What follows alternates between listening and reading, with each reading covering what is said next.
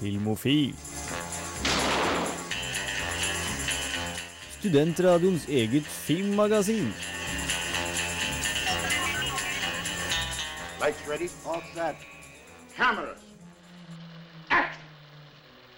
Hei og velkommen til Filmofil. Du hører på oss, og det er selvfølgelig torsdag, så da skal vi brase ut på den store verdensveven og ikke minst eteren på DAB.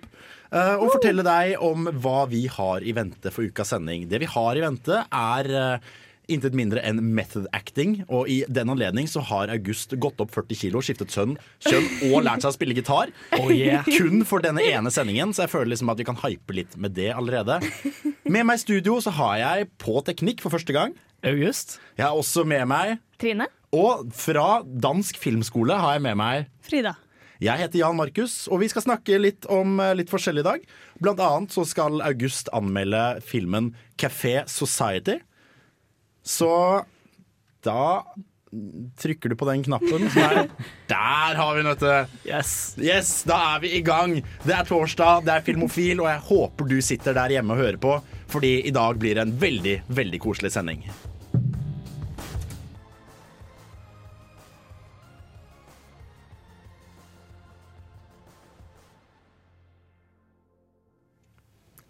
Her i Filmofil så liker vi å prate litt om hva vi har sett siden sist. Og Frida, mens låta spilte her, så var du veldig ivrig på å starte. Hvorfor det? Hva har du sett? Jeg har sett The Room. Oi! Yeah. Og det eh, Jeg og Trine har jo vært en del på Søndagsfilmen. Ja.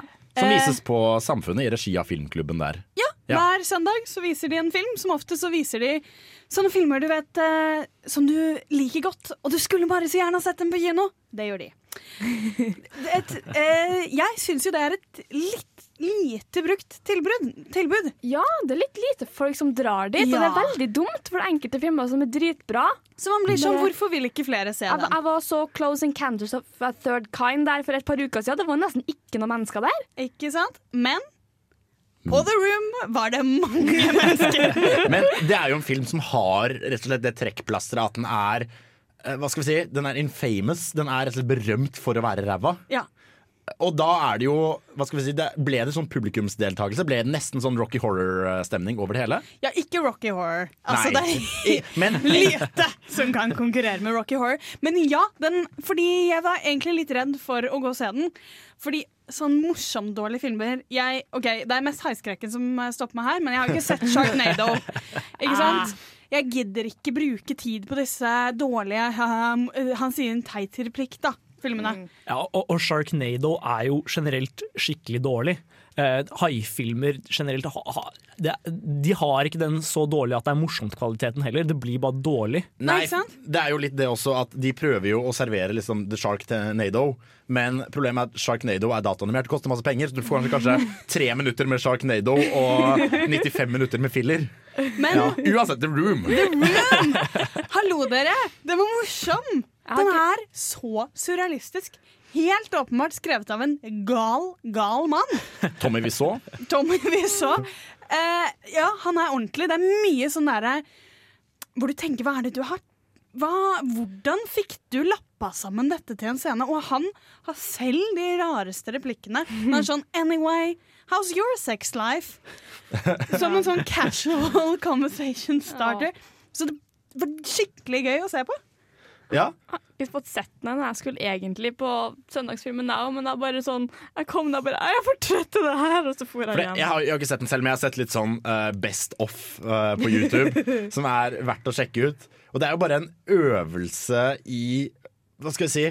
Det er ikke kleint heller, for det er forbi det stadiet. Ja, det, er, det er ikke sånn når noen reiser seg opp og mister talen sin, uh, de skal holde et bryllup. Her er det sånn, her reiser de seg opp, uh, begynner å imitere en kylling og liksom kaster, kaster kake på veggene. Det er, på et stadie så er det ikke kleint lenger, det er bare fullstendig galskap. Ja, og jeg må bare si det var, eh, Den har en underlig samling med sexscener. Jeg Og. Alle sammen er litt sånn litt for lange, hvor du er sånn eh, Hva er det dere driver på? Og de driver liksom og ligger litt sånn inn i navlen på folk. Og sånn. Det er veldig rar greie. Og de så det er kommer sånn fire stykker. Altfor lange, sånn fem minutter. Ganske godt i starten. Ja. Rar, rar film. Rar Anbefaler film. den. Anbefaler den. Ja, ja. Se den med noen, kanskje med en pils. OK. ikke se denne på en dataskjerm. Du kan ikke se på den alene. Du kan ikke se på den med en liten gjeng som har det litt gøy. Dette må du jobbe for at skal bli gøy. Okay, minst 20 mennesker. Ja, eller liksom en samling av folk du syns det er gøy å henge med. Og vors, men ikke hvis du har veldig lyst til å gå på festen. Det må Nei. egentlig, Jeg ville kanskje anbefalt å sette av en kveld og lage liksom en greie rundt det. Drikke seg litt opp, kanskje se et lite intervju med Tommy Wiseau. Og så liksom sette den i gang, og så må alle sammen jobbe litt. Og da tror jeg Ah, Legg Samle inn alle mobilene i en kurv og Ja, sånn. ja, ja, ja. fordi her, her skal du virkelig Du skal gjennom det. Ja, ja, ja, ja. Det skal kjempes gjennom. Så Nice. en, en, to merkelige tomler opp fra Frida på den. ja. To litt sånn ja, OK, whatever. Whatever floats your boat. August, hva har du sett siden sist? Eh, Vi hadde filmkveld i kollektivet og så Big Hero 6. Ja! Det er, det er en trivelig film, altså. Den anmeldte jo jeg en gang i tiden, og jeg synes den var litt sånn at slutten legger veldig opp til at her skal det komme en oppfølger, men så ble det ikke det noe av, fordi jeg tror ikke den helt gjorde det stort på, på box office. Nei, jeg skjønner veldig godt hva du mener. Og den, den er jo Altså, De sier jo til og med i filmen at dette er vår origin story. Eh, litt sånne And ting. we are big Hva skal jeg si? Uh, Big Hero 6. Big Hero 6! Og så kommer rulleteksten, og jeg bare sånn Nei, å, gidd, da. Ja. Men når de holder på, så er det, veldig, det er en veldig trivelig film. Ja, Den er, ikke, den er ikke kjempegodt skrevet. Noe av karakterutviklinga er litt sånn ja, hvor, hvor kom dette fra? Eh, litt ut av det blå. Men, men det er generelt bare sånn koselig stemning der. Og den morsomste scenen i hele filmen er jo når han Baymax eh, er punktert og oppfører seg full. hvor han liksom Ja, er- snubler rundt. Eh, det er jo faktisk kjempegøy. Men hva, Furry baby. hvordan eh, Harry baby! Hvordan taklet resten av eh, folka du så den med? Nei, folk var liksom i humør for å se en sånn Disney-type film. Så det det det, det, ble Det veldig Disney. god stemning. Ja. Vi eh, ja, lagde pizza og koste oss. Det, var bra bondetid. Helt til du ligger i en ball av tårer for deg sjøl. ja, Jeg har, jeg har grenet litt den filmen der, OK?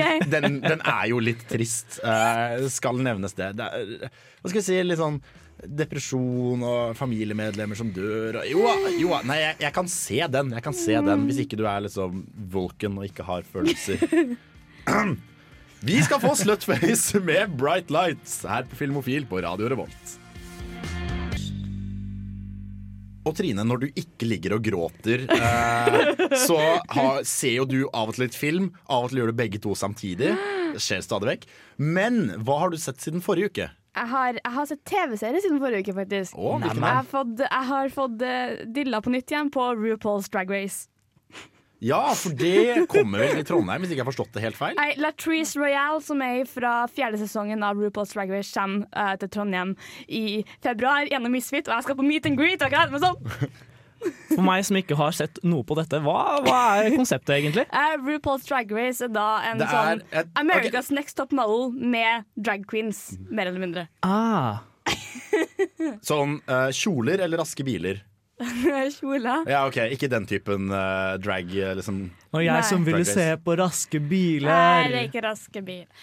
Men er det gøy? For jeg har ikke sett på det fordi jeg ikke orker sånn You don't have what it takes to become America's next top model. Jeg bare orker ikke den konkurransedelen når de skal stå og være sånn selvhøytidelige. For jeg synes det er mye mer morsommere enn America's Next Top Model. For det blir jo ikke alt det bildeskiten hele tida, men det blir veldig mye drama fordi det er drag queens, og drag queens har veldig store personal Ja, de spiller jo Personligheter. Det, ja, De spiller vel kanskje personligheten sin i showet også. ja, Ja. jeg gjør jo det. Så det er liksom det enkelte jeg hater, så det enkelte jeg elsker. Og jeg bare gleder meg til å bare møte Latrice Royale i februar. Men jeg så liksom sesong fire og sesong fem, og så har jeg starta på sesong seks nå. Så jeg mangler liksom en Allstar-sesong og så to sesonger til og en Allstar til. Så dette høres ut som dette har gått lenge. Ja, det har gått en liten stund, det har det. Og jeg syns det er dritmorsomt å se på, for det er så fantastiske mennesker som er med. Og RuPaul er vel mest kjente drag queen i USA? Eller en ja, av de jeg tror en er med, i hvert fall. For jeg tror eh, nemlig han spiller i eh, Da ikke som dragpersonligheten sin, men eh, helt uten noe, så spiller han i eh, eh, But I'm a cheerleader. Så spiller han en fyr som jobber på straight camp. Det er veldig godt sånn De kommenterer De de har bare ikke gjort noe, han bare jobber der. Ja. som en sånn eh, hei! For, er, ikke du, er ikke du fra det showet Så det er en liten, cameo-greie som ligger bak der? Nei, han er skuespiller. Han er Ja, ikke okay. liksom bare innom, han har en rolle. Ja. Som en eh, fyr som prøver å undertrekke, undertrykke at han er homofil. ja. Det er flott lagt inn. Det er det jeg vet om RuPaul. Så det høres ut som en slags en liten sånn kulturinstitusjon, da, hvor man på en måte får eh, Får drag race servert i Hva skal si? Serveringsbiter i opp, Ja, det- opp mot uh, seks sesonger. Det er veldig morsomt, og det går veldig stor Kan jeg bare si én ting til som jeg var så? Ja, kjør på. Jeg var så Don't Breathe igjen. Igjen. igjen. Hvorfor gjør du dette mot deg selv, Trine? Fordi det er en veldig bra film, og jeg, jeg hadde August og Hans til å passe på meg. Den kunne sitte og holde i hver sin hånd mens du holdt pusten. Nei, og egentlig så ville jeg sitte i midten, men jeg fikk lo. Jeg fikk plassen i midten. Måtte du, måtte du holde hender, da? Ja, jeg ville holde hånda til Hans. Ja. ja, men Hans er en trygg og beskyttende farsfigur, så jeg, jeg forstår Jeg det. jeg fikk låne hettegenser til Hans da, til å beskytte ansiktet mitt. Så jeg satt liksom uten sko og stor hettejakke, og så hadde han bare hettejakka til Hans foran ansiktet for hver scene jeg ikke ville se på. Så det var veldig bra du betalte penger for å se den på kino. Da. Jeg så, jeg så alt av det. da Det er bare én scene som jeg nekter å se på, og den er så kvalm. Jeg, jeg holdt på å kaste den når jeg så den på pressevisningen. Liksom. Jeg, jeg trenger ikke å se det der igjen. Ja. Ja, og, og det å kaste opp på pressevisning, det er ikke greit. Nei, det, det, da må du ha et sånt tomt popkornbeger i hvert fall, som du kan tømme deg oppi. Uh, jeg har vært, uh, jeg har vært, vært Jeg har ligget hjemme på Netflix og sett uh, A Beautiful Mind. Som er oh en veldig, veldig koselig film. Eh, hva? Men den er jo Hva skal jeg si? Den føles Det er ikke en dårlig film, men det føles veldig Oscar-bait-aktig ut. At det er litt for spillet nesten på de Oscar-bait. eh, Mannlig eh, spille, litt sånn utstøtt eh, sosial figur. Historisk. Biografi.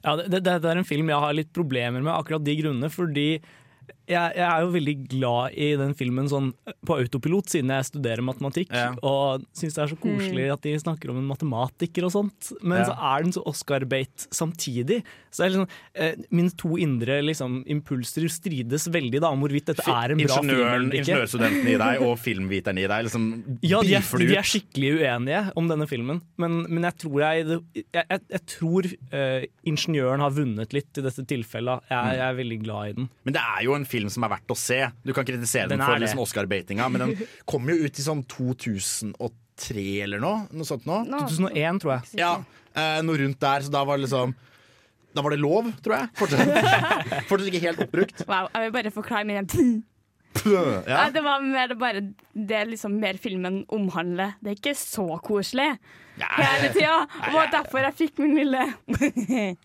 Bleff. min bleff. Og vi skal bleffe oss videre i sendingen. Uh, vi skal få nyheter som du har samlet opp til oss, Trine. Ja. Og ja, du har til og med avslørt at dette er bra nyheter. Dette er ting du har gledet deg til å presentere. Ja, ja. Ser frem til det. Ser frem til det. kjempebra. Ser veldig frem til det. Du skal få nyheter her, men først skal du få Håkon med OK Keia.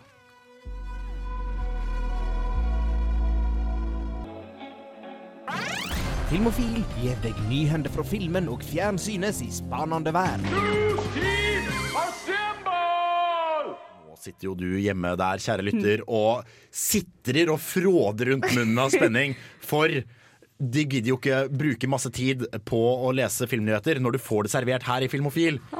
Trine, kan ikke du servere oss noen nyheter? Jo. Noen rykende ferske noen. Jeg jeg starter med litt TV-nytt. jeg. Ja. Det er litt TV slash Netflix.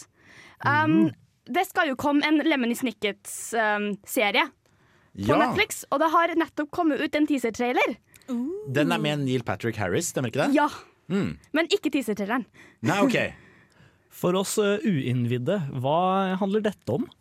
Oh, hvem kan forklare Lemony Det er, Snicket? det er en eh, Nå husker jeg ikke navnet på fatteren, men det er en serie bøker som heter uh, Series of Unfortunate Events. Som handler om noen sånn barnehjemsbarn som blir adoptert av sin noe kjipe onkel. uh, og alle deres wacky hijinks de finner på, hvis ikke jeg husker Eller helt onkel, feil. onkel. Driver ikke han onkelgreven og prøver å gifte seg med hun eh, ene 14-åringen Det, sånn? det, Det er litt det er filmen. Jeg vet ikke om Ja. hun gjør det i boka. Jo, bare at hun Ja, redder seg sjæl, Ja, selvfølgelig eller- skulle filmen ok. spille. Som jeg sa, wacky hijinks. Ja, Count Olaf da skal prøve å stjele um, alle pengene til ungene. Ja, for de er sånn Harry Potter, og de har arvet masse penger. Ja, de har masse penger. Så liksom hele, hele teaser-traileren er da han som spiller Lemny Snicket, som da er liksom uh, forfatterskikkelsen i eh, serien, har en sånn veldig metatrailer der han liksom Han går rundt på settet og prater liksom Nå er vi på Netflix-settet. Alle, alle som jobber her, har blitt sinnssyke. Uh, og så hører du Neil Patrick Harris som, Ol uh, som Count Olaf i bakgrunnen og synger. Og så bare um, gjør det bedre enn dem som jobber her, ikke se på. Og så går han. fordi eh, Jeg husker det fra filmen med Jim Carrey og også bokserien som jeg leste en gang i tiden. At det er liksom sånn Dette er en kjempetrist historie. Ja. Og det er, sånn, det, er, det er litt sånn edgy for 15-åringer. Jeg vet ikke om vi kan si det. jeg blir veldig mett av. Men, men eh, det kan hende det funker. Det er en veldig kul type trailer. Jeg liker i hvert fall de som er sånn vi gjør noe, men vi viser deg ikke bare masse klipp. Det er jo faktisk eh, det Orson Wells også gjorde til Citizen Kane. Så er det bare han som står og prater og viser fram sånn Her er denne skuespilleren. Vink til kamera. Ja, nei, for Det liker jeg i hvert fall. At de ikke viser filmen, men at de viser stemningen og kind of uh, hva skal vi si, følelsen de skal presentere, da, om ikke annet. Nest Der, ja. Um, Archer Ah, kommer mest sannsynligvis til å slutte av etter tiende sesongen. De er nå ferdig med sesong sju. Ja, OK. det, dette, det er litt som å være hos legen og han sier Du, uh, du kommer sannsynligvis til å dø når du er 96. Det er sånn Ja, OK, fair enough. Det er greit. Ja. Showrunneren eh, Adam Reed har sagt at liksom, han ville ikke være med noe mer etter sesong 10. Det var planen hans hele veien. Så får vi se da om det er noen som plukker noe etterpå. Jeg håper virkelig ikke det er noen som gjør det. Nei, ti sesonger holder vel egentlig. Ja, gjør det. Jeg føler at Hvis ikke du er South Park, så kan du liksom Ti sesonger, da kan du gi deg. Stadig raskere på avtrekkeren, August. Um, jeg tar to Netflix-ting i én, Ja, fordi det omhandler litt samme ting. Det er dine nyheter. Gjør hva du vil. Hey! Um, Iron Fist kommer på Netflix 17. mars 2017. Hva er Iron Fist? Uh, Iron Fist er enda en av uh, The Defenders som skal komme på Netflix. Det er liksom Jessica Jones, uh, Daredevil og Luke Cage. First Price Avengers, basically. Dem, som beskytter, de som beskytter New York, da. Ja, ok ja. Så serien hans kommer da. Og nå har um, uh, serien med The Punisher starta å spille inn i New York. ja, ok For han får en egen greie. Ja, han får en egen greie. Men vi er ikke sikre på om eh, det kommer uh, før The Defender kommer ut, eller om det kommer etterpå. Fordi Netflix har begynt å gjøre noe at de har to Marvel-serier. Én på våren og én på høsten. Og nå skal de jo ha Iron Fist på våren. Og så skal de ha Defenders på høsten, så vi får se om uh, den kommer seint eller tidlig, da. Marvel blir det uansett. Marvel blir det uansett. Nei! Nei. Jeg trodde det var to. Du sa to serier. Ja, jeg sa to serier, Ja, ok, Men du kan få bare kjøre på. Nei, jeg tenkte vi kunne ta en pause. Vi kan, ah, vi kan ta en pause. Vi kan ta en Det kan vi, vet du. Så skal vi ta en liten pause med Margaret Glaspie med You and I før det blir mer nyheter.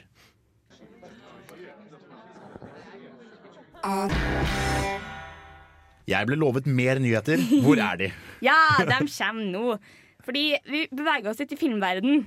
Ja. Og Sist gang så tok jeg opp det at de skal lage en live action-versjon av 'Løvenes konge'. ja. Ja. Nå har det kommet en annen film som skal remakes. Å nei. Mulan. Det er jeg for. Der merket jeg at det, det har blitt laget veldig mye om Mulan, men Mulan er en veldig kjent legende i eh, Kina. Som jeg har hørt en hel podkast om liksom alle sånne forskjellige historier om henne. Hun er veldig verdt, og har mange filmer fra før. Så de er sånn, vi remaker bare Mulan. Vår Mulan. Det er mange filmer om Mulan. Hun fortjener mange filmer. Masse, masse. Har de da tenkt å ha med den dragen og sånn? Ja, jeg lurer på hvor creepy Mushu blir! Hvordan har de tenkt å løse det i praksis? For jeg ser for meg at Mulan blir en film med mye faktisk live action og ikke så mye animasjon. Sånn som, sånn som Jungelboken er jo basically en animasjonsfilm. Ja. Men, eh, men akkurat hvordan de skal gjøre den dragen, det, det er jeg veldig skeptisk til. kjenner jeg. Eller hvordan skal de gjøre det der hvor hun uh, brutalt myrder en hel hær med et snøskred? Oh, det er sjukt. Nei, men det, Vi bare slenge litt CGI på det, så bare forsvinner de i tåka. Ja, altså, det å drepe folk i snøskred er jo en veldig sånn Ja. PG-vennlig måte å drepe folk på. Altså, de, de, bare, de bare forsvinner i snøen. Ikke? Ja. Ingen bryr seg om hva som skjer med de etterpå. Sovner stille inn og koser seg i snøen der nede. Har dere sett denne filmen nylig? Det er ganske dramatisk, dette snøskredet. De slåss, og hun hogges i siden, vil jeg bare si. Ja. Ja, Den er jo mye verre den scenen når de bare skyter en pil i ryggen på et sendebud. Og sånn, da. Det er skikkelig brutalt i Disney-film å være. Men jeg bare håper at de eh, angående Mushu kan ha litt sånn en mystisk magi som Disney egentlig er veldig gode på. Det der å liksom ha det litt rundt i bakgrunnen og litt sånn At hun kan tro på det og på en måte føle forfedrene med at- de ikke har en animert uh, Eddie Murphy som løper rundt ved siden av henne. Eller på norsk Åsleik Engmark. Hadde vært litt hyggelig, det, da. Eh, Suicide Squad fikk jo veldig mye Har jo fått veldig mye De, de har fått veldig mye av alt, egentlig. Mye penger, mye kritikk. Og de skal få enda mer! De skal få en extended version. For det trengte vi. Det er 13 minutter mer film med over 10 minutter med slettede scener. Spennende. Hva er de siste tre minuttene? Liksom slette Å ja, bare Nei, det, det, det er 13 minutter ekstra, og så er det 10 minutter med Ok, ja, men scener som er klippa bort fra, fra filmen. Er det fordi Jared Leto hadde så lyst? Nei, jeg tror det er mer uh, han regissøren som heter så mye som um, David Ayer, er det Ja, ikke det? takk. Ja. Han ville fra- tydeligvis sånn, sånn Det her er min visjon. Det kom ikke fram på kinoen. Hvor, men hvor mange filmer har helt oppriktig blitt bedre av en extended edition? Ringenes herre! Er, jeg har hørt at det er Nei, nei, nei, nei, nei. Ringenes herre. Det blir ikke for langt. Jo, det blir langt, men du får faktisk inn mer Han har tatt med mer humorscener. Så at jeg syns ikke den føles De er mye mer sånn tullete der hvor Legolas er sånn oh, jeg føler meg tipsy. Sånne scener. Sånn at den føles ikke like lang, syns jeg. Ja, nei, men, og den, den har også fått med mange flere av de koselige scenene. Mm. For i theatrical-versjonen av, av Ringenes herre så blir det rett fra slagscene til slagscene hele Ja. tiden. Mens i, i extended edition så får du tid til å liksom puste litt mer. da Noe som også gir mening. Du kan ikke spille inn en 23 millioner dollar eh, slagscene og så ikke ha den med, fordi du har ikke tid. Så da blir, det jo, da blir det jo, hvis du først skal begynne å klippe for å gjøre det allment tilgjengelig for den gemene hop, så er det jo gjerne de koselige humorscenene som ryker. Dessverre, fordi det er jo det som gir en film dynamikk. Ja, Det er et veldig godt poeng. Jeg har en til. Eh, vi tar den siste igjen. Uh, det, det er litt tilbake på TV. Uh, eh, Benedict, Benedict Cumberbatch har uttalt seg at det kanskje er slutt på Sherlock etter sesong fire. Nei! Det Vet kan hende at det blir slutt etter sesong Bare fordi han har horet seg ut for Marvel og liksom kasta seg på det Ja, pengetoget. han, sier, han, han sier liksom det at det er mange som er med i liksom Sherlock um, eh, øh, Gjengen. Ja, som har lyst til å gjøre noe annet. Nei, men det har de ikke lov til! Hva med publikum? Hva med, hvordan skal jeg få Sherlock-dosen min når men han liksom liksom- ruller i Men du, det, Marvel-penger? det du må huske på at det er ikke offisielt annonsert at Hva det er ferdig. Hva med mine behov? Ja, hva med mine behov? Altså, herregud, hvor mye tid kan det ta, da? Det kommer jo ut en hvert femte år. Det kan jo ikke være sånn å, det tar så utrolig innhugg i serien vår fra de som lager fuckings Doctor Who. Ja, fordi det er jo, hva var det vi kom fram til i en av sending At The Shining hadde den lengste innspillingen noensinne, hvor de hadde 200 Nei, The Ice Wide Shut var det. Uh, som hadde Shining Så, ah, nei, som hadde unnskyld, unnskyld. Ice Wide Shut som hadde 220 dager innspilling. Og jeg tenker hvis det er liksom innspillingen for en spillefilm, så, og det var Ken Stanley Kubrick, så klarer du å få til 40 dager, da, Bendik. 40 dager klarer du å sette Det er alt vi ber du om. hva, Kutt inn litt i fellesferien og gi oss en dose Sherlock. Det kan jo hende det at Sherlock er så bra, handler litt om at de bruker tid på det. Ja. Altså, opinion. whatever. Jesus Christ. Ja, men det finnes en grense. Det er litt sånn Hva skal vi si? Det er veldig koselig at de bruker mye tid på det, men Gi oss mer. Ja, så mye tid trenger du ikke bruke. liksom, ok, Kan jeg ett sånn shot quote? Ja, du har sånn- ti sekunder på deg. It feels like an end of an era, to be honest. It goes to a place where it will be pretty hard to follow on immediately. Det spoiler litt om sesong fire, men jeg, jeg tror det blir bra. Jeg gleder meg.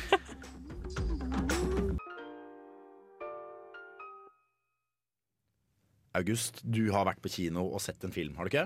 Det har jeg. Og hva er dette? Den heter Café Society. Det gjør den. Eh, Det er den nyeste filmen til eh, Woody Allen. Å ja!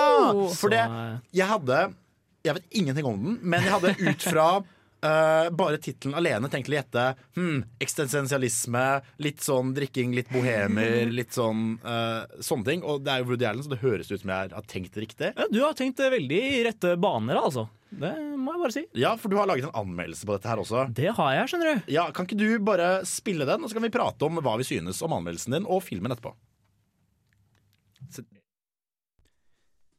Café Society er den nyeste filmen til selveste Woody Allen.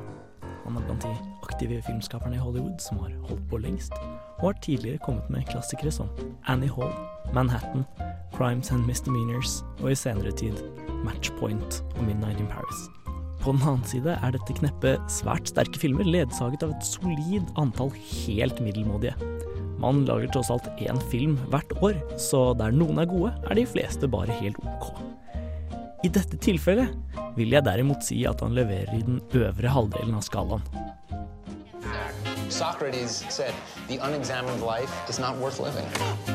But the examined one is no bargain.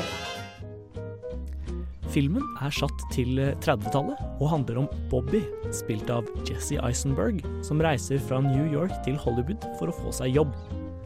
Han blir ansatt av sin onkel, spilt av Steve Carell, men det viser seg etter hvert at de begge er forelsket i Kirsten Stewarts karakter Vonnie, og drama blir uunngåelig. Phil, it's Rose, Rose? your sister. My son. He's coming to Hollywood. The man eats with Fred Astaire and Gary Cooper. I'm impressed. Det som overrasket meg mest med filmen, var i grunnen hvor pen den var. Woody Allen skriver nesten alltid interessante manus, men det er eh, ikke alltid visualiteten hans er like spennende. Dette er ikke tilfellet med Café Society. Her er det visuelle uttrykket tidvis virkelig storslagent. Særlig eksteriørscenene i New York er fantastiske å se på, og fotoarbeidet er generelt av ypperste klasse. Dette gjør Café Society til en film som virkelig gjør seg godt på kino. Hello? Come in. Sit. Christ, man, it's all about ego. This whole town runs on ego. Yeah, I'm Bobby. Bonnie, come in here, can you? Bonnie, this is my nephew, Bobby. Howard did... Skuespillerne gjør også solide roller. Jeg har alltid vært eh, glad i Jesse Eisenberg. Jeg var nok en av få som likte hans Lex Luther, og eh, han passet seg godt som smånevrotisk jøde. Steve Carell er også god som alltid, og Kirsten Stewart gjør det tydelig at hun ikke lenger bare er hun jenta fra Twilight, med en gjennomført, velspilt karakter. Listen, are there more beautiful girls in Hollywood or New York? Why? Is that how you'll decide where you'll live? You're very beautiful. I'm seeing someone. Oh, unrequited. Café Society er likevel ikke uten problemer. Det første som slår meg, er at tematikken er litt enkel. Filmen ender, i hvert fall for meg, opp med å handle om at vi sannsynligvis ikke får tilbrakt livet med den vi er ment for, og at vi er nødt til å komme til termer med det. Og selv om denne tematikken for så vidt er fint utforsket, føles det ikke for meg som om filmen har så mye mer å komme med. Et annet problem er at den ikke er like morsom som mange av Allens andre filmer. Enkelte av filmene hans får meg virkelig til å krype sammen i latter. Dette skjer ikke her. Den har selvfølgelig flere morsomme scener, men det blir mer eh, humring enn fullt ut latter. Filmen er dog ikke kun en komedie, og stemningen er generelt god, så dette ødelegger på ingen måte for opplevelsen. Love is not rational. You fall in love. You lose control. Whoa, is that good or bad? No answer is also an answer. Når alt kommer til alt, er Café Society altså ikke blant Woody Allens sterkeste filmer. Men det er på ingen måte blant hans svakeste heller. Det er som nevnt en eh, sjelden kinovennlig film til han å være. Og selv om humoren kanskje ikke var helt på topp, hadde jeg generelt en svært fornøyelig stund med den. Det høres jo ut som hva skal vi si, en, en skikkelig Woody Allen-film på godt og vondt. Litt sånn nevrotisk jøde, eksistensialisme, litt sånn livs, livets meningsløshet. Ja, du, du har mye av det. Det er en, det er en veldig sånn det er, det er en veldig Woody Allen-film. Eh, både på godt og vondt, men som sagt så ble jeg veldig overraska over hvor bra, bra fotoarbeidet var. da. Det er rett og slett en skikkelig pen film å se på, og det er det ikke alltid du får fra Woody Allen. Men det har jo egentlig aldri Eller på den måten vært fokuset hans. For den her lignet i hvert fall traileren veldig på Hale Hail Cæsar.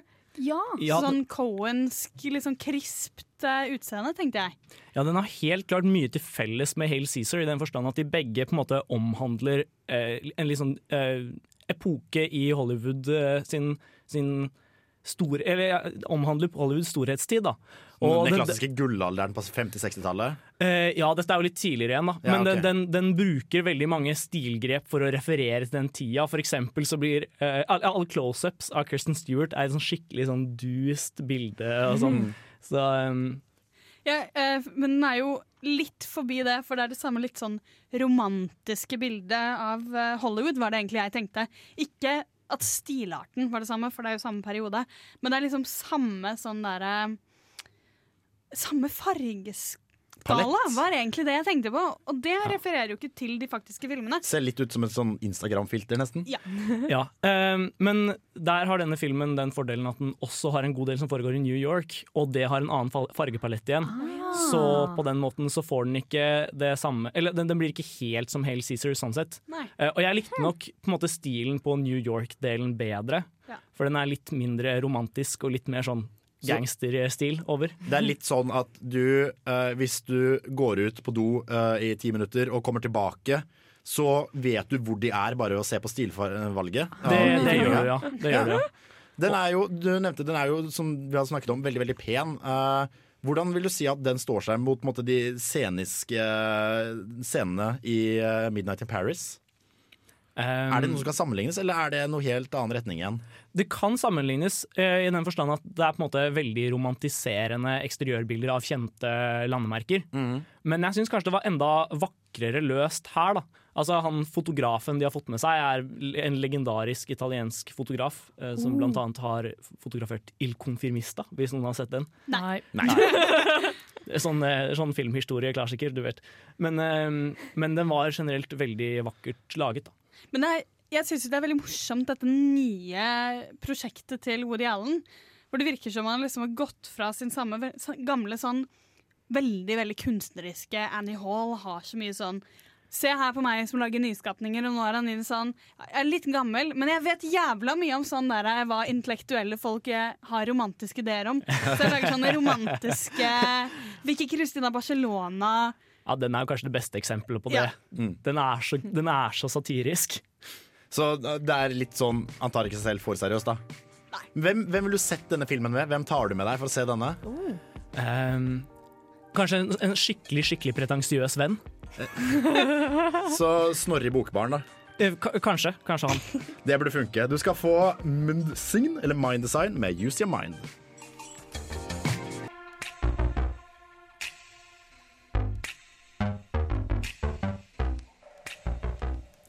Vi har beveget oss inn i eh, temadelen av eh, Filmofil, og som jeg eh, har lovet tidligere i sendingen, så skal vi snakke om method acting. Og aller først, Frida, hva er method acting? Veldig godt spørsmål, Jan Markus. Og vi må faktisk tilbake til starten av 1900-tallet. Jeg må bare si på forhånd at jeg har gått drama på videregående, så akkurat eh, Oh. skuespillermetodikker har jeg dessverre lest en del om. Dansk filmskole og dramalinje. Er det, er det noe du ikke kan? Veldig lite. Så vi starter da på, 19, eh, på starten av 1900-tallet. Eh, på den tiden så var drama sånn at man skulle egentlig ikke spille noe særlig. Dette hadde litt med at man sleit med lyd. Man hadde ikke mikrofoner, man hadde ikke falske måter å ta med en stemme ut. Det er jo derfor opera er en av, eh, var en av de veldig populære teaterformene. Ja. Ja. Fordi du kunne bære, altså stemmen kunne bære og fylle et helt auditorium. Og det var ikke så farlig om du ikke hørte hva de sa uansett. Det hørtes pent ut. Ja, ikke sant? Ja.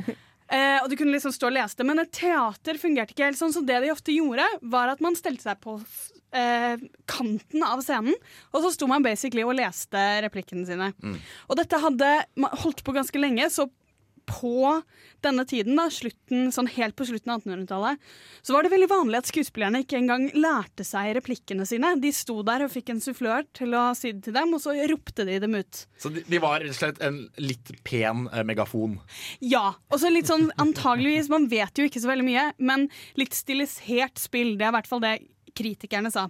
Men så kom en utrolig viktig person som heter eh, Stanislavskij. Konstantin Stanislavskij. Russisk. Russisk. Eh, som, var, som er første, ikke helt første, men en av de viktigste kritikerne av dette her. Og han startet eh, der med noe han kalte et system. Og delene av dette systemet er at en skuespiller skal oppleve rollen sin, og at du skal ha um, Han kaller det oppgaver. Og ja, oppgaver egentlig i løpet av en scene. Så du skal f.eks. prøve å få til noe. Du skal måtte jobbe aktivt for et mål når du spiller. Og så i tillegg skal du oppleve det samme som rollen din gjør. Så eh, da tenker jeg at det er oppgaver ikke til skuespilleren, men oppgaver til karakteren. Ja, ja, ja, ja. Så ikke det at skuespilleren har som oppgave at nå skal du uttrykke sinne, Nei, nei, men nei. at karakteren din prøver å overbevise sin sanne kjærlighet, eksempel, om at han er den rette. Helt, helt riktig. Og så skal du som skuespiller kjenne på dette. Ja. Jeg lærer masse Du fortsatt. lærer masse. Eh, og, det, og dette her er eh, Der er vi vel egentlig inne på veldig mye av kritikken mot Stanislavskij, for han brukte ekstremt mye tid. Dette her er ting man skulle gjøre i forarbeidet. Uh, å finne oppgaver. Det er en måte å dele inn en scene på, så du vet hvordan du spiller. Og så er det masse diskusjoner om hva Stanislavskij har gjort og gjør, og alt mulig. Men man har vel endt, han endte på slutten av livet sitt med å ha et veldig fokus på at å oppleve det samme som karakteren. For å oppnå det, så må du gjøre bestemte bevegelser, eller eh, bestemte oppgaver, som tar deg inn i den emosjonelle tilstanden Så til karakteren. ja. Var dette her da noe han på en måte tenkte som en slags manusbasert, eller var det mest sånn improv at alle hadde hver sin oppgave, fløy på scenen og prøvde å løse den samtidig? Eh, manusbasert. Ja, dette, er en, dette er en måte å jobbe seg gjennom et manus, og veldig mange manusforfattere hater Stanislavskij fordi han, eh, for, han hadde veldig lett for å forandre et manus for at uh, rollene skulle uttrykke sine sanne uh, følelser, da. Vi må videre til en av Stanislavskijs elever som heter Lee Strasberg. Han dro til USA. Eller han var vel egentlig amerikaner, så han dro tilbake etter å ha studert hos Stanislavskij. Mm. Og startet det som kalles method acting, som er en avgren av Stanislavskijs um, Stanislavskijs system, men ikke direkte De krangla mye. For å være Ja. helt ærlig, alle krangler mye. Fordi Fordi skuespillere fordi skuespillere. Ja. Så det, er, det var faktisk tre som har drevet med lignende method acting. Method acting. Det er Lee Strasberg, Stella Adler, som jobber mye mer med sånn sosiologiske aspekter, og eh, Stranford Me Meisner, som var veldig opptatt av det fysiske. Det fysiske teater har vel egentlig en mye sterkere base i Frankrike. Og britisk tradisjonelt Shakespeare-skuespill fokuserer på denne, eh, denne måten å gjøre det at du skal gjøre ting. Det skal gå ins nei, outside in. Så når jeg setter fra meg koppen, så skal jeg på en måte ha bearbeidet den følelsen sånn at det skal ta meg inn i riktig emosjonelle tilstand. Men Lee Strasberg fokuserte derimot på at du skal hente dine egne emosjonelle erfaringer. Hvis jeg skal si til Jan Markus Jan Markus, vi må slå opp, eh, jeg, jeg kan ikke være sammen med deg lenger, så skal jeg tenke på Mamma døde, da var jeg trist. Altså- Jeg henter den erfaringen. kjører rett og slett Team America-greia, hvor han tenker på at hele familien hans blir drept av en gorilla. Ja, nøyaktig. Ja. Så for å være trist, så må du være trist på ordentlig. Ja. Uh, jeg vil bare si med en gang noe vi kommer til å gå inn på. Lee Strasberg syns ikke man skulle være karakteren sin utenfor. Eller av scenen. Så putt on a fatsuit, ikke legg på deg på ordentlig, liksom. Eh, nei, jeg, vet ikke helt med fysiske Han var jo veldig opptatt av det psykiske. Det er vel, Meisner er vel mer opptatt av eh, sånn eh, fysiske transformasjoner, så jeg ville kanskje gjettet litt eh, at han var mer fokusert på det. Men dette er Daniel Day-Lewis sånn Jeg må leve som en indianer i et telt, og jeg kan bare spise rått bit sånn kjøtt. Det var ikke Lee Strasberg fokusert på. OK, ja, vi kan uh, ta en liten pause der, for vi kommer tilbake. Vi skal snakke mer om uh, method acting, og vi hva skal vi si, vi amatører i forhold til Frida i hvert fall, skal snakke litt om hva vi mener er vår favoritt, og så skal Frida få korrigere hvorfor det er feil.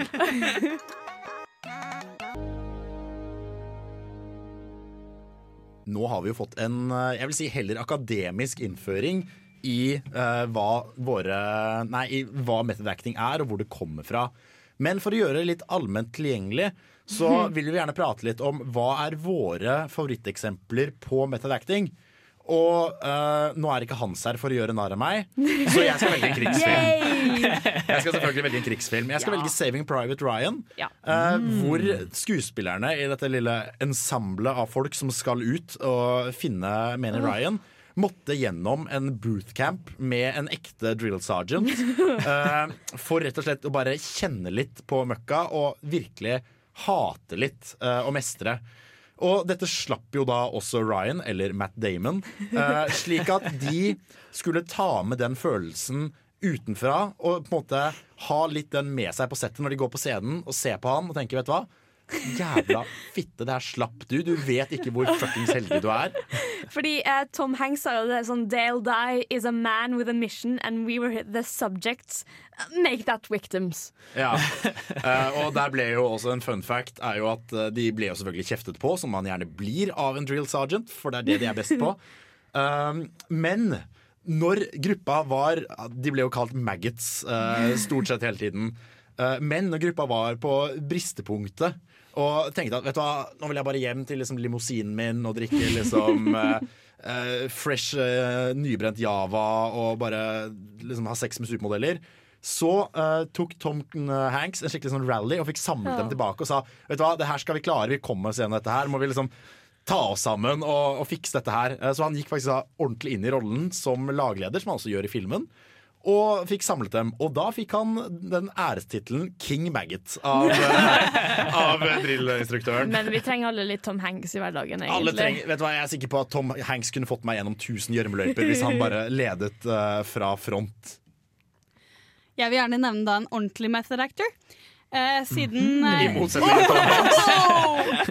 Som jeg nevnte, så er jo method acting litt misforstått fordi vi ser på ekstreme forberedelser som hovedpoenget. Eller som på en måte method acting. Og det er det ikke, men mange bruker det fordi eh, fordi du skal bare hente egne erfaringer, så er de sånn «Ah, Ja, men herregud, jeg kan ikke bare stå og tenke på liksom min mamma hele tiden. Jeg må Ja. gå og få ekte erfaringer i rollens univers. Ja. Krabbe i gjørme og hate Ja. litt, for Men eksempel. dette er ikke hoveddelen av method acting, så jeg vil veldig gjerne eh, nevne Ellen Burstyn, som jeg er helt fantastisk glad i i Requiem for a Dream.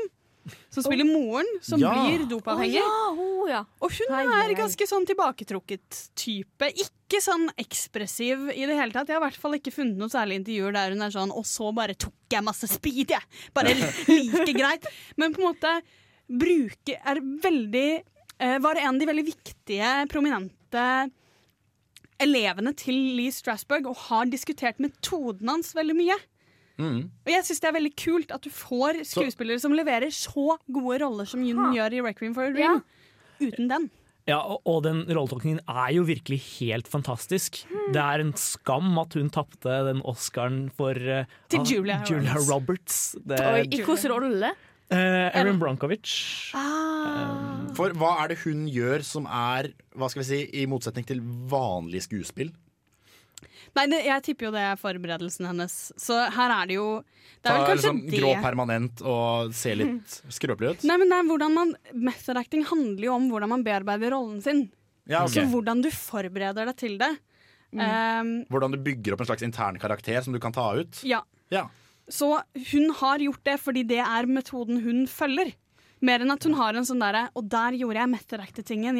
Ser du at jeg vinker på håndleddet på riktig måte? Der Måten hun forbereder seg på, er en veldig sånn emosjonelt moden Mm. behandling av karakterens indre univers. Så det er mange veier til en, å liksom uttrykke en god rolle, og hun har brukt en høy- Method acting. method acting. Rett og slett.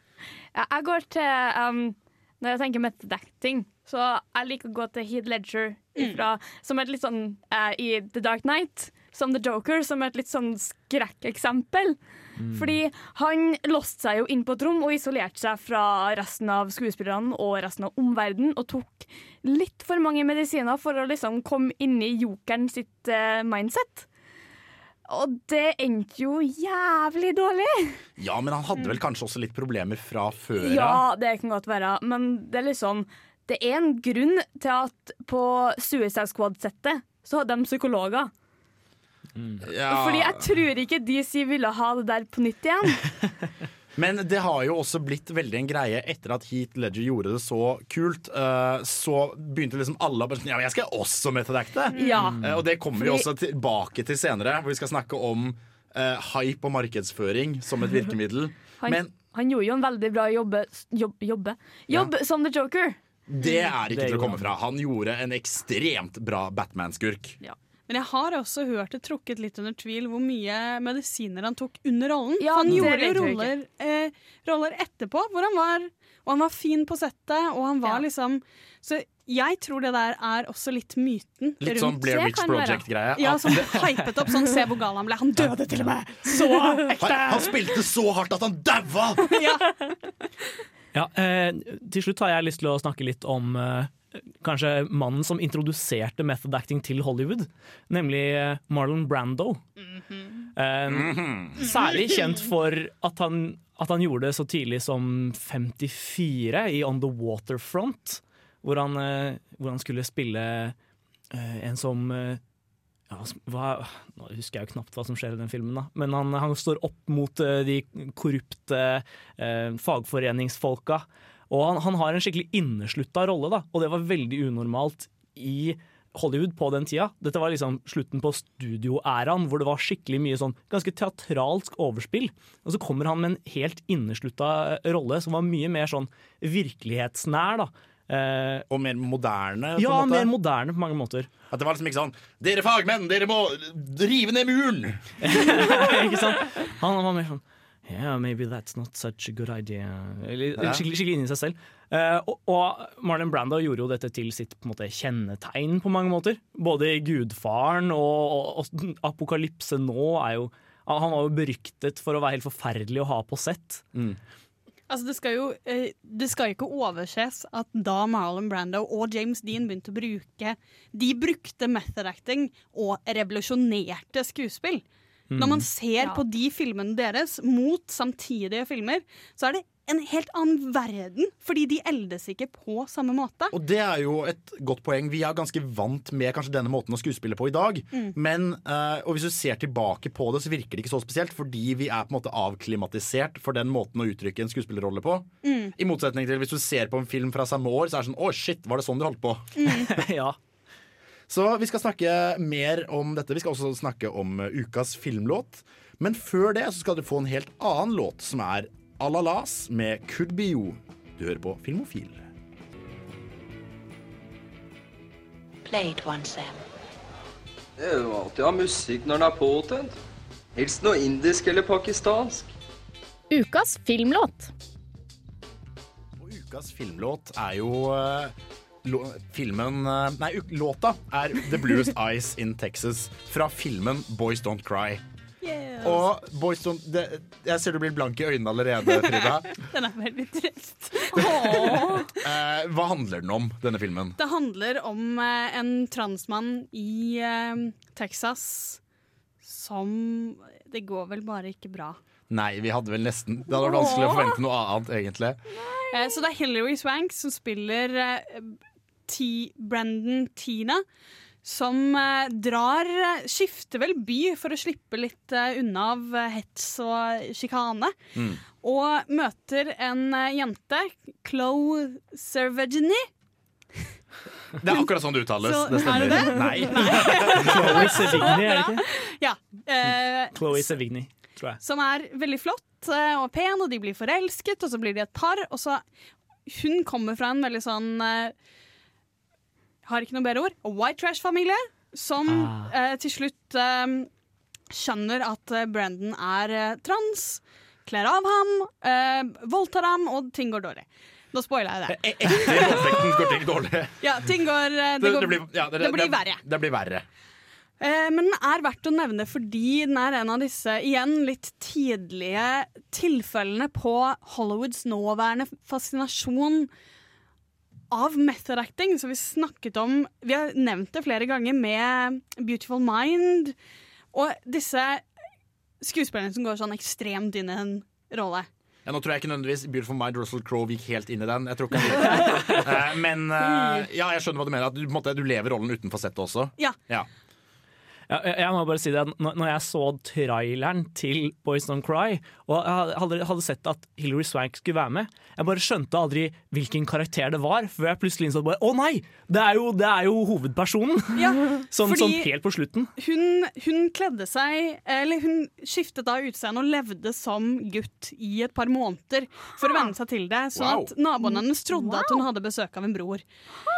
Og på en måte gikk Og du ser det veldig godt. Hun spiller eh, den mannlige seg veldig bra. Og det er jo i en tid der hvor det er mange menn i parykk som spiller transdamer, så har de i hvert fall lagt inn et lite støt for å gjøre det ordentlig Ja. i denne her. Selv om det fortsatt er litt problematisk, så har hun gjort en eh, Hun har prøvd, i hvert fall. Hun har prøvd, og det ble veldig veldig mye oppmerksomhet rundt det. Hmm. Som kanskje har satt, satt i gang vår nåværende ekstreme fascinasjon for hvor mye de jobber. Ja, Vi skal høre ukas filmlåt, som er eh, Nina Persson og Nathan Larsson, 'The Bluest Eyes in Texas'.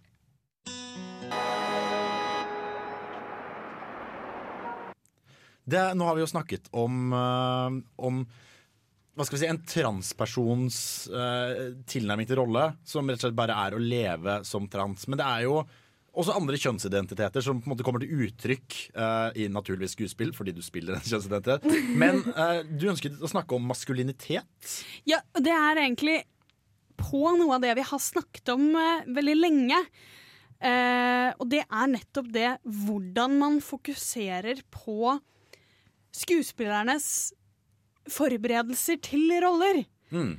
Og det er så ofte Nå har jeg ganske bevisst, åpenbart, valgt eh, mange kvinnelige skuespillere i denne her, men veldig ofte så ser du at det er menn som tjener på å ha sånne ekstreme forberedelser før en rolle, som Leonardo DiCaprio kanskje, og Jared Leto nå har blitt mest gjennomsiktig i, da. Ja. Og det er jo, eh, som du eh, nevner her, så er det jo noe som på en måte har blitt kritisert også, fordi gjør du dette her bare uh, for å gjøre det, eller er det noe som faktisk gir noe til rollen? Og det er jo en, en diskurs vi også har hatt før. Er det det man gjør for rollen, eller kun det som ender opp i filmen som har noe å si? Ja, du kan jo se på sånn som, sånn som DiCaprio er jo også blitt mye nevnt eh, i forbindelse med The Revenant og sånne ting også. Mm. Og det er vanskelig å argumentere for at det er den beste rollen han har spilt. Det blir veldig rart at det er liksom noe sånt han skal få Oscar for. Uh, og eh, generelt Oscar-akademiet er veldig glad i å belønne disse filmene. Og der er det jo denne teorien om at eh, nettopp mm, det har med maskulinitet å gjøre. At method acting i dag har blitt en måte for skuespillere å legitimitere at de gjør hardt mandig arbeid. Sånn se, jeg gikk opp så sykt mye vekt, Ja. eller gikk ned så sykt mye vekt, og så spiste jeg bisonlever. Ja, fordi jeg er vegetarianer, så jeg kan egentlig ikke spise det. Oh my god, så mandig jeg er. Ja. Ja, og og det ser man jo veldig ut fra den historiske konteksten også. I, I begynnelsen så var det liksom Brando og, og, og James Dean og en del andre som prøvde å innføre Eller som, som på en måte kom med dette som en ja, no, noe de brukte i filmer som handlet om eh, en form for maskulinitet som var truet. da. Eh, så man kan se dette helt tilbake til på en måte ja, method actingens inntog i filmverden. Og jeg skjønner også veldig hva du mener med måte, det maskuline synet på det. Fordi, eh, som du nevnte, hun skuespilleren i 'Requiem for a Dream'. Ellen Burstyn. Veldig god rolletolkning. eh, Men ikke maskulin og på en måte utagerende på samme måten. Du får ikke nødvendigvis den samme Jeg vil faktisk gå så langt som å si anerkjennelsen for på en måte å si Vet du hva, jeg føler jeg har klart å portrettere et detalj, detaljert og ekte følelsesliv på en veldig god måte. Klinger ikke like fancy som Du, eh, jeg er Christian Bale, og jeg har spist eple hver dag i to måneder, så da veier jeg sånn 14 kilo eh, og ser ut som en strekemann. Folk er litt mer sånn wow! av det? Det er liksom bare gå på nett og søke liksom på method acting og se på lista. Du ser nesten bare mannlige skuespillere på de listene. Du ser jo nesten ikke en eneste kvinnelig skuespiller. Og det er jævlig dumt. Ja, og, og- det ser man jo også nok en gang tydelig hos eh, Oscar-akademiet. Oh, yes. For der er det eh, ja, Mannlige skuespillere blir gjerne belønnet for en veldig sånn ja, eh, hardt arbeid-rolletolkning som kommer når de er i sånn eh, 40-50-åra. Mens eh, kvinner de skal bli belønnet for en tolkning de gjør sånn gjerne i 20-årene. For eksempel, jeg, jeg sjekka det en gang, og hele topp ti-lista over de yngste kvinnene som har vunnet Oscar for beste kvinnelige hovedrolle, er yngre enn mannen som vant for eh, Eller yngste mannen som vant for eh, eh, mannlig hovedrolle. Om ikke du er Meryl Streep, da. Om ikke, ja, hvis du ikke er Meryl Streep. Men altså, eh, det er jo et eller annet eh, med hvordan man belønner folk, og der må det jo så Det fins jo kvinner som får samme belønning for at de har gjort mye arbeid, men der dette er jo en film vi skal komme tilbake senere, så Ja. nevnes det ofte at de ikke er pene. Ja. Og det er det som er arbeidet. Det går jo bare på det. Bare sånn, Ja. å, hun ser så fin ut i virkeligheten, og så ser du henne i filmen, og så er hun ikke så fin. Og så bare, For et arbeid! Ja. Fy fader, hun har trøtte. Trøtte. blitt stygg, si! Og det er vel en film vi nå skal snakke om i neste stikk, er det vel? Ja, det er det. For da er ukas hjemlekse nemlig Monster. Men før vi skal snakke om Monster, så skal du få Frances and the Lights med See Her Out.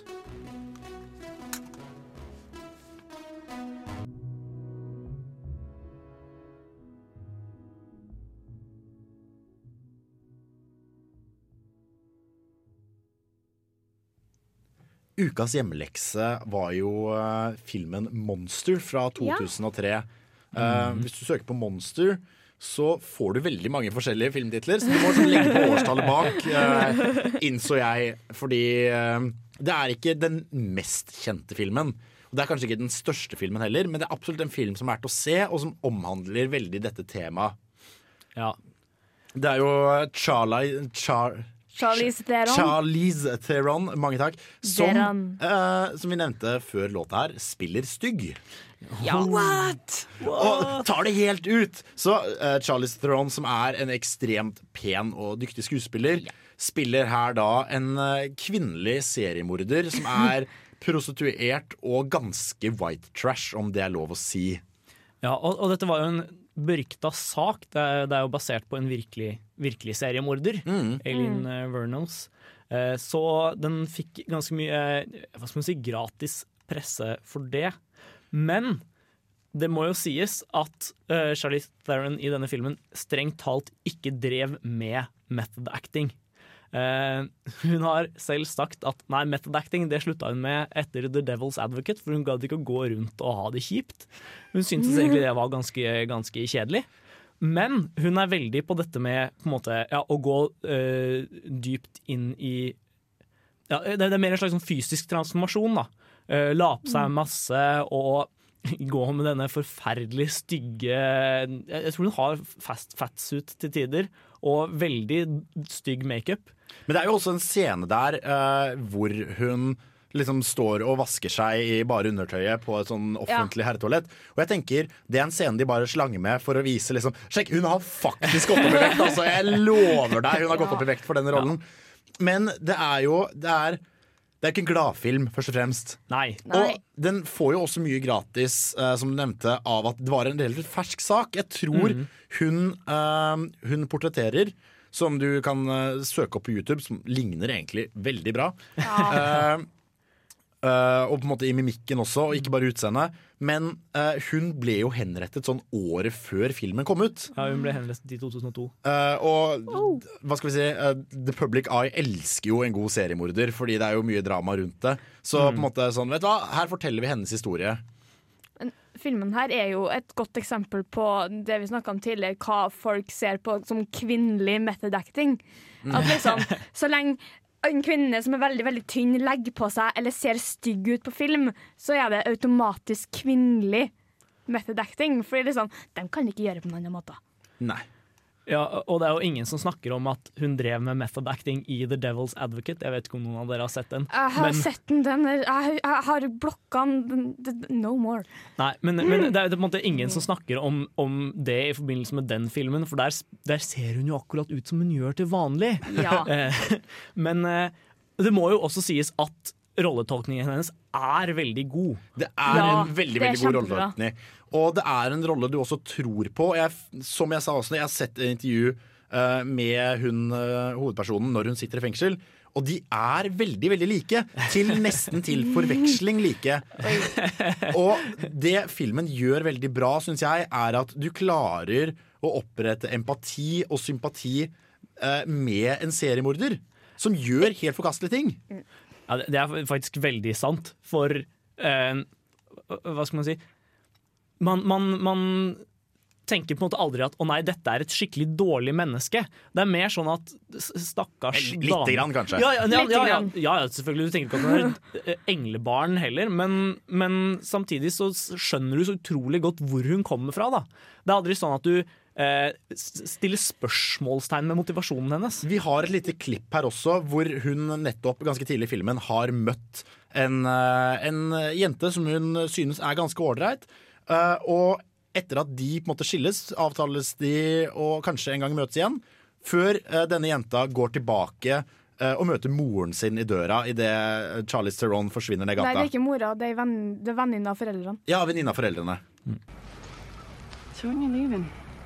Tuesday. But you know, I'm gonna be hanging out at um, the Moonlight probably around five. Yeah, it's about two blocks up. Yeah, yeah, yeah. Maybe I'll swing by. No? All right. All right. Be fun at church, okay? Okay.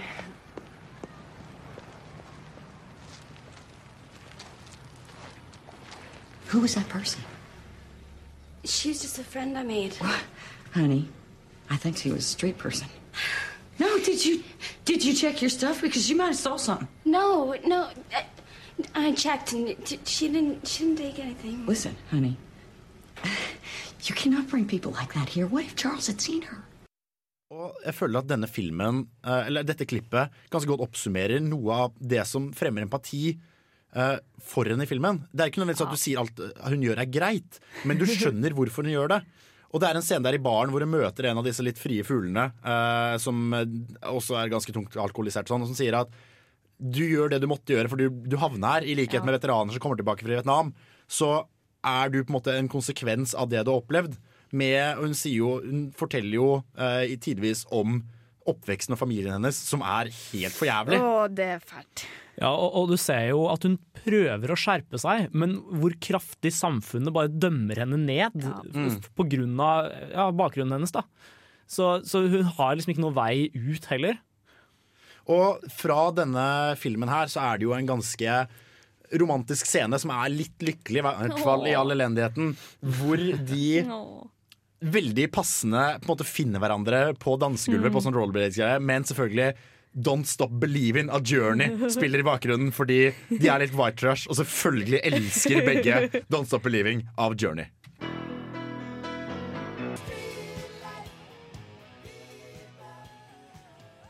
Vi har jo snakket litt om eh, denne tendensen til spesielt nylig å hype opp eh, denne forvandlingen folk gjør i Mhm. forkant av en film.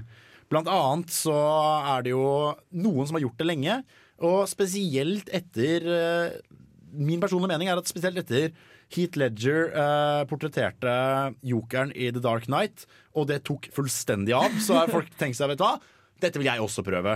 Å gud, Da har du iallfall Jared Leto som The Joker. Så han bare fortsetter på The Joker-tingen, liksom. Ja. Det var jo i nyheten, konst, Eller liksom i nyhetsbildet konstant det han hadde gjort til dem som han hadde Hva som sine, liksom? Sendt grisehode Nei. Gjort Ja. masse rart. Ja, jeg føler Shia LeBuff også er litt sånn i samme kategori av folk som liksom eh, egentlig jobber innenfor litt mer sånn standard sjangerfilm, men som eh, plutselig skal begynne med method acting. Han hadde jo trukket en tann i forbindelse med at han skulle spille i Fury. Og, Ja, sånn- sant det. og Men her igjen så har jeg litt sånn blandede følelser, fordi uh, Hva skal vi si Uh, godeste Leonardo DiCaprio spiser liksom bisonkjøtt, svømmer i iskalde elver, eh, hylles som en helt. Mens uh, Shia LaBeouf trekker en tann og han vasker seg ikke på settet. Hvor egentlig Brad Pitt kommer bort og bare Dude, du fucking stinker. Bare, hvorfor, kan ikke du bare ta deg sammen og bare spille? Hvor er det grensa her går mellom det som er overfladisk og det som er greit? Eller er bare alt overfladisk? Det er jo et eller annet med gjennomsiktighet her. Og det er jo der jeg føler kanskje Daniel Day-Lewis slipper unna den kritikken man sender mot så mange andre. Fordi han hele tiden er sånn jeg, Ikke snakk med meg. Jeg bare holder på her borte. Og så på en måte gir han seg hele tiden som skuespiller. Du får en følelse av at han gjør det for rollen. Mens Jared Leto for jokeren er sånn Mer Ja. markedsgreie, Ja, føles det som. Det, er jo det. det ble jo brukt som et markedsføringsmiddel. Det Mm. var jo, Folk dro jo for å se Suicide Squad for å se hvor, hvordan jokeren endte endt opp. De som åtte minuttene var med. Eller. Ja. uh, og han liksom sånn Gjorde masse wacky hijinks. Helte kaffe istedenfor sukker i kaffen til folk. Liksom. Nei, nei helte. Du- salt istedenfor sukker i kaffen. Han, han sendte jo uh, brukte kuler, kuler ja, ja. og etc. til sine castmates. Altså stakkars mennesker som måtte jobbe med ham.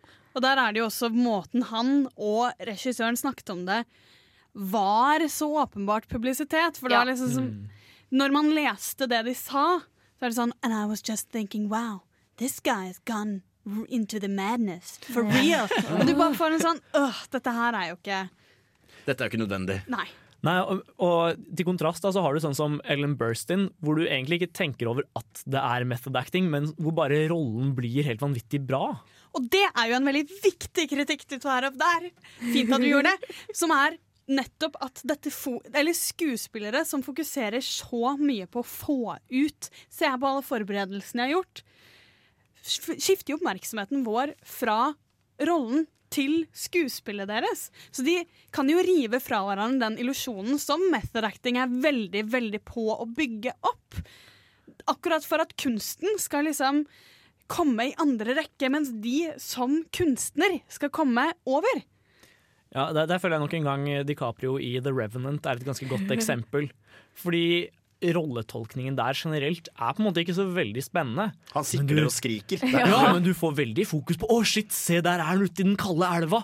Var han det på ordentlig? Oh my god! Mm. Så det handler kanskje litt om hvor mye det faktisk brukes i markedsføring, og hvor mye de gjør bare for det er min måte å tolke rollen på. Eh, og at for, så tror jeg også det er en ny greie med uh, den nettet vi har i dag, og den virale markedsføringen, er at hvis du før uh, Da Saving Private Ryan for eksempel, ble spilt inn i 1999 eller før det, så var det ikke sånn at du kunne gå liksom på Facebook og poste en artikkel på BuzzFeed. Dette måtte Tom Cruise gjøre Ja. for å forberede seg til rollen. Her er det nå mer sånn OK, vi betaler en sånn Hollywood-journalist eh, 500 dollar, og så skriver han en sak om hvor wacky Jared Leto er. Uh, I motsetning til før så måtte du på en måte leie en hel avis. Og det var, ikke, det var ikke et reklamepoeng, og det er kanskje ikke det nå heller, men det har blitt det. Og det er jo veldig trist når gode skuespill Eller gode roller bare reduseres til Ja. sånn Se hva hun gjorde på forhånd. Sånn som jeg følte Anne Hathaway ble på eh, Le Miserable. Hun var jo eneste Ja. lyspunktet i den filmen. Ja, det er sant, det. Og allikevel så er det sånn Men hun gikk ned mange kilo og klippet håret sitt. Sånn, men det var ikke så viktig, fordi rollen hennes var verdt noe i seg selv. Det var det samme med Karen Gillan når hun fikk eh, rollen som Nebula i Guardians of the Galaxy. Hun, tok jo, hun hadde jo barbert av seg alt håret og dro jo av parykken på eh, Comic-Con. Nok en gang så er det 'se så stygge de ble'. Ja! Se, de gjorde noe med håret! Å, fy faen! Hun, hun er villig til å ofre håret sitt for rollen! Wow! Og der er det jo Oscar-komiteen kan jo sies å være veldig villige til å ta i. Altså, de kjøper sånn Å, OK, antakeligvis bra. Du har gjort mye. Du jobba bra for denne rollen. I stedet for at det var en god rolle. Ja, så rett og slett Det er gøy at dere jobber for det, men hvis ikke det er kun for rollens beste, så bare drit i det, for da er det markedsføring. Du skal få Cancer med Die One More Time.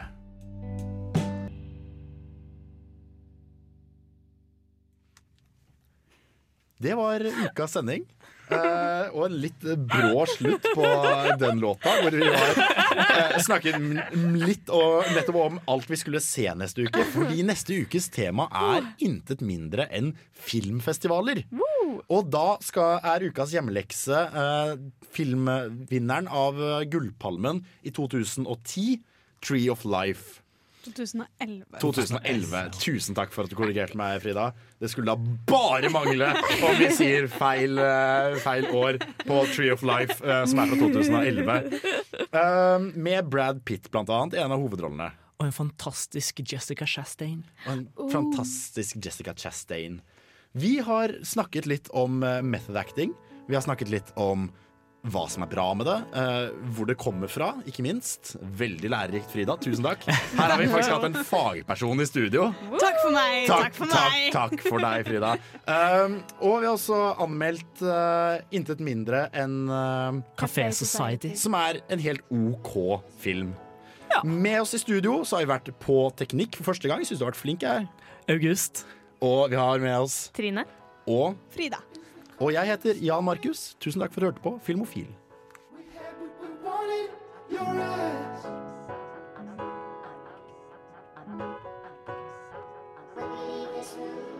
Smile.